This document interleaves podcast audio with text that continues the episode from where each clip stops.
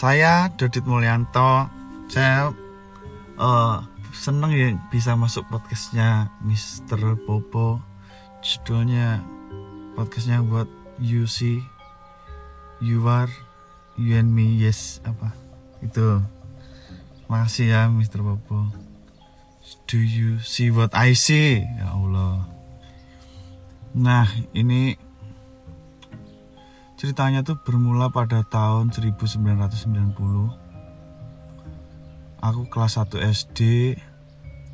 BTA aku tuh pernah nggak naik kelas ya. Aku pernah kelas 1 SD itu dua kali.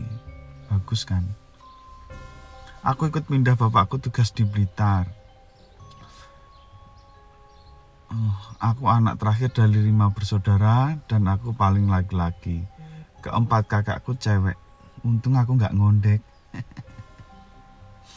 kakak pertama itu Mbak Menil, ikut suami di Kalimantan. Kakak, kakak kedua itu Mbak Lis, ikut tinggal di rumah dinas dalam kondisi hamil. Kakak ketiga itu Mbak Kun, masih SMA. Kakak keempat itu Mbak N, masih SMP, yang tinggal Terus yang tinggal di rumah dinas itu aku, bapakku, ibuku, Mbak Lis yang hamil tadi. Nah, aku pindah sekolah itu gara-gara bapak. Aku tinggal di kota Blitar. Kemudian karena panggilan dinas bapak, maka kami harus pindah ke Kabupaten Blitar. Nah itu ada hutan jatinya. Di situ tempat bapak berdinas Desanya bernama BA, Kecamatan PR, Dukuh B. Karena bapakku itu mantri hutan ya, mantri hutan nama rumah dinasnya itu namanya Kemantren. Kalau Sinder, jabatannya Sinder, rumah dinasnya namanya Sinderan gitu. Nah, ngerti bapakku kerja di mana berarti? Itu ya. dari bangunan kementerian dulu ya dan kementerian itu dari zaman Belanda halamannya luas pojokan kanan itu ada pohon flamboyan itu yang gedenya itu dirangkul empat orang itu ya pasnya segitu. Itu gede tinggi gitu. Halamannya luas. Waduh pokoknya Belanda banget deh. Terus anu apa jenenge hmm, di belakang rumah dan samping rumah itu ada kayu jati kayu jati gelondongan itu yang disita dari maling kayu belandong ya. Mereka itu kuat-kuat. Secara alami aja mereka kuat apalagi ditambah dengan susuk-susuk gitu orang begitu ya. Ngangkatin kayu itu kuat. Ada teman bapak itu pernah nembak belandong kena kakinya terus diusap gitu aja terus lari lagi. Nggak heran kan kita sama hal-hal yang gitu sebenarnya pernah ada aku kenal Belandong waktu kecil aku minta gendong di belakangnya. Dia Belandong yang tobat ya.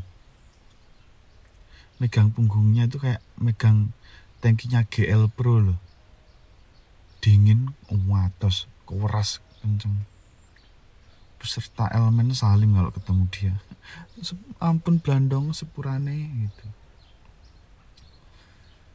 Nah, balik ke rumah bangunan rumah dinas Bapak itu, lantainya itu lebih tinggi dari apa, halamannya. Jadi ada kalau satu setengah atau dua meter gitu naik. Kemudian temboknya itu sepa, tembok separuh, kemudian papan kayu jati. Terus ruang tamu, kamar, nah ini aku heran, ada penjaranya, ruang tahanan buat nahan maling. Gila. Itu bangunan lama tapi zaman Belanda dan ada penjaranya. Dan itu rumah itu. Gila nggak sih? Mikirin itu otakku nggak nyampe. Penjara itu nyimpan misteri ya siapa yang tidur di situ pasti mendapat gangguan gaib. Anak buat anak buah bapakku. Namanya Mandor selama tidur di situ tuh diseret-seret sama bayangan laki-laki yang pakai seragam tentara Belanda gitu. subuh-subuh mandor kaget bangun sudah di bawah pohon flamboyan. Tidur dipindah-pindah itu biasa dan uh, kalau pengalaman nyata itu iya uh, tidak sespektakuler yang di TV biasa aja tapi serem. Nggak yang wah. Itu pokoknya. Usut punya usut cerita ke orang-orang tua yang tinggal di daerah itu. Ada tahanan yang meninggal di ruangan itu. Zaman Belanda maling disiksa ditembak biasa ya tapi nggak mempan. Dipukul apalagi akhirnya ditusuk dengan bambu pring kuning darahnya berceceran bekas di lantai dan nggak iso hilang itu bertahun-tahun sampai akhirnya aku dan keluarga ke situ.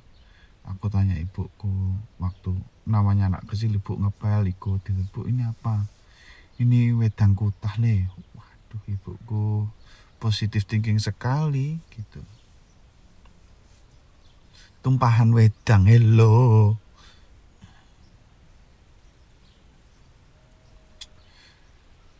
Nama bapakku Joko Mulyanto sekarang umurnya hampir 80 tahun. Sekarang bapakku sering apa berjemur juga ya. Oh, melenceng dari topik lanjut uh, seorang jagawana dengan jabatan mantri hutan. Bukan mantri kehutanan bukan menteri kehutanan beda ya tugas bapakku melakukan patroli keliling hutan bersama anak buahnya. Namanya patroli ku ya random ya awan ya bengi eh ya siang ya malam gitu. Melewati hutan. Keliling hutan bersama anak buahnya menggunakan CB 100 tahun 70-an bocor oli sana sini karena belinya second tentu saja gampang mogok. Waduh. Nyebelin ya. Kalau misal bapakku masih berdinas sekarang bapakku udah aku belikan moge ya kan. Aku artis loh aku punya moge loh. Kan? Aku bapakku mau tak belikan Fukuda. Motor gede yang belakangnya ada kotak itu buat ngangkut galon sama LPG lumayan patroli dapat duit. Nah. dari Blitar kota aku menuju ke Mantren Kabupaten Blitar itu dua jam dengan sepeda motor. Aku duduk di tangki depan bapak dan ibuku boncengan.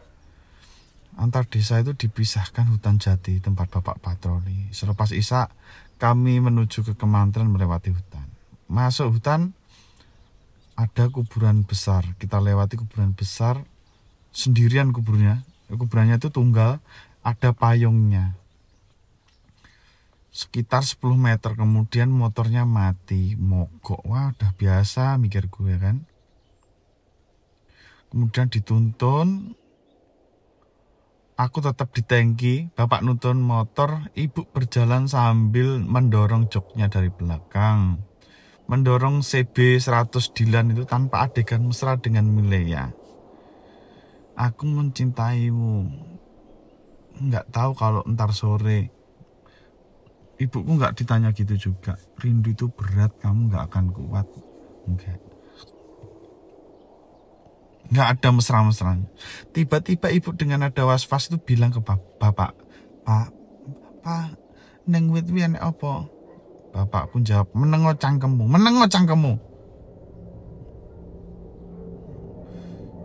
ini kalau tak translate gini pak di atas pohon itu ada apa Bapak pun jawab, diam mulutmu, diam mulutmu. Uh, setelah nonton agak jauh, diperiksa busi, kemudian motor jalan lagi sampai ke Mantren. Nah, ibuku tuh cerita, tadi ada orang tua berbaju lurik, celana hitam, ongkang-ongkang di dahan kayu jati, sambil peringas-peringis, peringas-peringis itu senyum-senyum menunjukkan giginya gitu loh. Sambil ngerokok, dan bapakku melihat dan nyuruh ibuku diam saking takutnya. Di dahan kayu jati bro kayu jati itu berdahan itu berarti itu udah tinggi banget. Terus orang tua segitu mana ada yang bisa manjat pohon jati ya. Kalau pohon mangga gitu masih gampang dipanjat. Pohon jati itu lurus gede lurus. Terus ada orang di situ ongkang-ongkang hello anybody home? Ih serem banget aku merinding kok kalian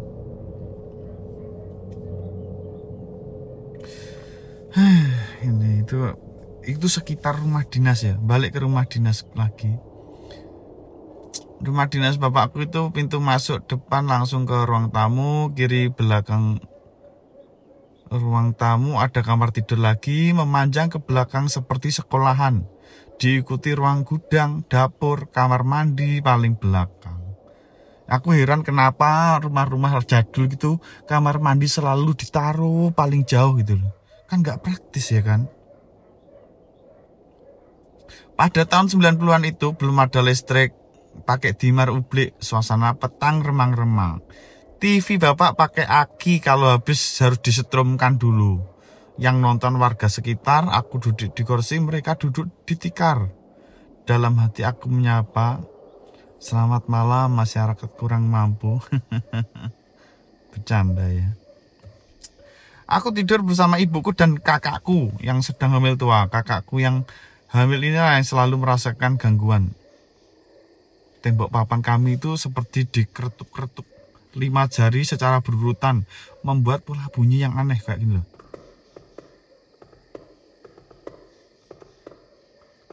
Ini kayak orang nagih utang tapi kak di tembok diseret gitu. Aku cuma nangis kan serem kan. Soalnya waktu nggak gini. Aku balas dia balas lagi. Waduh Aku nangis, aku tanya, Bu apa itu ibuku Yus? Meneng lo cangkemmu gitu. Yes, meneng nangis aku. Paling belakang adalah kamar mandi, jeding, jeding kalau orang Jawa Timur ngomongnya jeding. Jeding itu bak airnya itu. Bak airnya itu gede dalam orang empat muat loh. Nyemplung situ loh muat. Waterboom pribadi. Waduh. Eh, WC-nya ya gede orang Belanda itu apa nya itu gede ya. Jadi WC-nya itu gede kita itu harus ngangkang banget kalau jongkok di WC itu. Itu kalau kecemplung langsung sapi tank kita. Aduh hi. Jangan sampai ya. Daerah itu sulit air. Aduh. Ada pengantar air namanya Mbah Slamet namanya. Kita hemat air banget gitu tapi kalau malam hari sering terdengar orang mandi. Terus siapa tuh yang mandi? Kita lihat. Kamar mandinya kering dong. Kenapa sih? Kita aku yo heran, aku lihat podcast-podcast dengerin uh, treat horror gitu. Kenapa mereka itu sukanya mandi gitu? Terus tiba-tiba kering gitu. Masalahnya itu apa gitu? Apa yang kamu inginkan seolah-olah mengeringkan kamar mandi eh, mandi tapi kering gitu. Wow kering gitu. Apa berharap gitu ya kan? Nggak ngerti aku. Ih tapi serem. Aku kan masih kecil ya kan? Kelas 1 SD tapi udah nggak naik dua kali. Wah keren. Soalnya waktu itu aku yang ngajari baca itu ibuku. Jadi ada buku ini Ani ini Budi terus ada gambarnya. Akhirnya itu aku cuma apal gitu. Kalau yang ditunjuk ini Ani ini Budi gitu. Tapi aku nggak ngerti tulisannya kayak apa. Ibuku memang mentor yang mentor primagama ibu memang. Ah. jadi waktu kecil aku seneng eksplorasi rumah. Setiap sudut rumah tak jelajahi. Aku manjat keliling rumah. Aku menemukan banyak rokok utuh yang tidak dibuka diletakkan di setiap ventilasi rokoknya edisi lama yang sudah jarang di peredaran. Aku buka satu, aku ambil, kulipat terus untuk mainan bungkus rokok loh ditumpuk terus dilempar. Zaman itu sangat marak ya.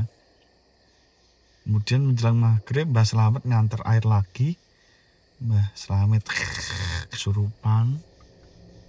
Surupan ya dipegangin beberapa orang meronta-ronta itu minta rokok dengan merek yang aku buka tadi dong. Mbak Selamat. Solusinya ya biasa dibacain kemudian sembuh sendiri. Serem. Itu udah udah serem loh. Hmm, jangan menganu menghina Mbak Lis sudah melahirkan. Nah, ini Mbak Lis, Mbakku udah melahirkan. Dan kita masih tinggal di rumah dinas. Setiap hari Mbak Lis, eh suami Mbak Lis tuh suka membunuh cicak, dijepret, dipanah pakai lidi, iseng banget ya. Sampai aku nggak ngerti itu mungkin apa nggak maksudnya itu ngapain apa gangguin binatang itu malam harinya terdengar kucing kawin. Kenceng banget. Mbak Lis dan suaminya mencari sumber suara. Nggak ada. Balik ke kamar bayinya udah nggak ada di ayunan. Ayunan biasanya pakai selendang kemudian yang pakai apa itu logam spiral kemudian entul entul entul entul itu loh jadi bayi seolah-olah ditimang gitu. Bayinya nggak ada. Terus mbakku histeris. Ah! histeris. Ma mana anakku? Mana anakku? Sambil nangis kan. Aku bangun aku ikuti nyari aku nyari ke segala ruangan ke penjara itu.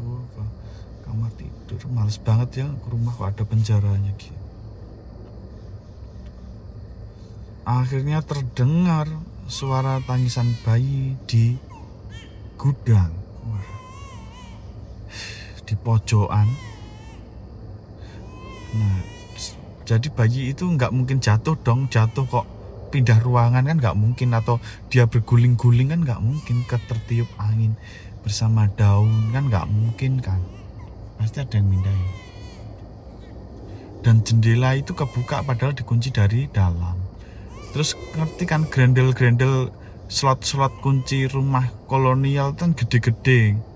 Nggak mungkin karena benturan angin terus melorot gitu kan nggak mungkin setelah dikunci nah pindah di gudang lah. Di gudang itu penuh dengan senjata tajam gergaji gergaji mesin oh, pecok prakul bendo arit terus benda-benda kampungan yang tajam-tajam itu ada di situ karena itu disita dari maling kayu itu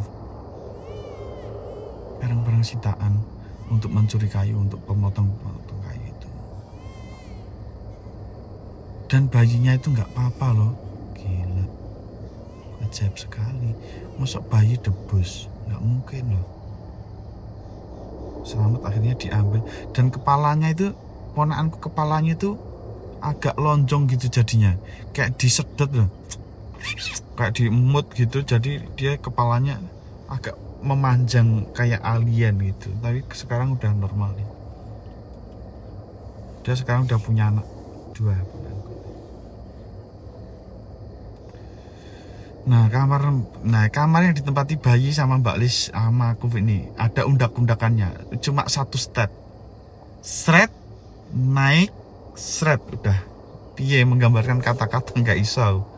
Berundak tapi satu undak doang di masuk pintu itu datar naik datar. Wes naiknya kira-kira 30 cm aku aku ya bingung ya itu ada apa? Kok kayak gitu? Nah setelah peristiwa itu aku tidur di situ itu aku nangis ketemu Anita lusuh kain putih.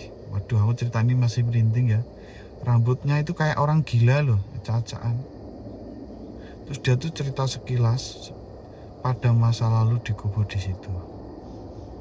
Setelah bangun aku demam tiga hari kata ibu. Sawanan. Ih serem dong. Sekarang bangunan rumah itu udah rata dengan tanah dan digantikan dengan bangunan baru. Pohon-pohon itu udah nggak ada semua. Gapura tagar semua itu dihancurkan dan tinggal satu rumah kecil minimalis gitu. Sekarang udah dibikin gitu. Tapi masih banyak cerita ini ya. Masih panjang. Nanti kalau ada yang pengen bikin film aku eh, akan lain dengan treatku ini akan aku rapikan detail-detailnya lagi. Terus ada bagian-bagian yang serem yang aku harus minta persetujuan keluargaku dulu untuk menceritakan ya. Yes ini adalah sebuah apa ya kesimpulan dari aku adalah tanah itu adalah tetap manusia yang menggonta-ganti fungsi dan apa yang ada di atasnya. Di bawah tanahmu terpendam sesuatu dari pendahulu. Wes matur nuwun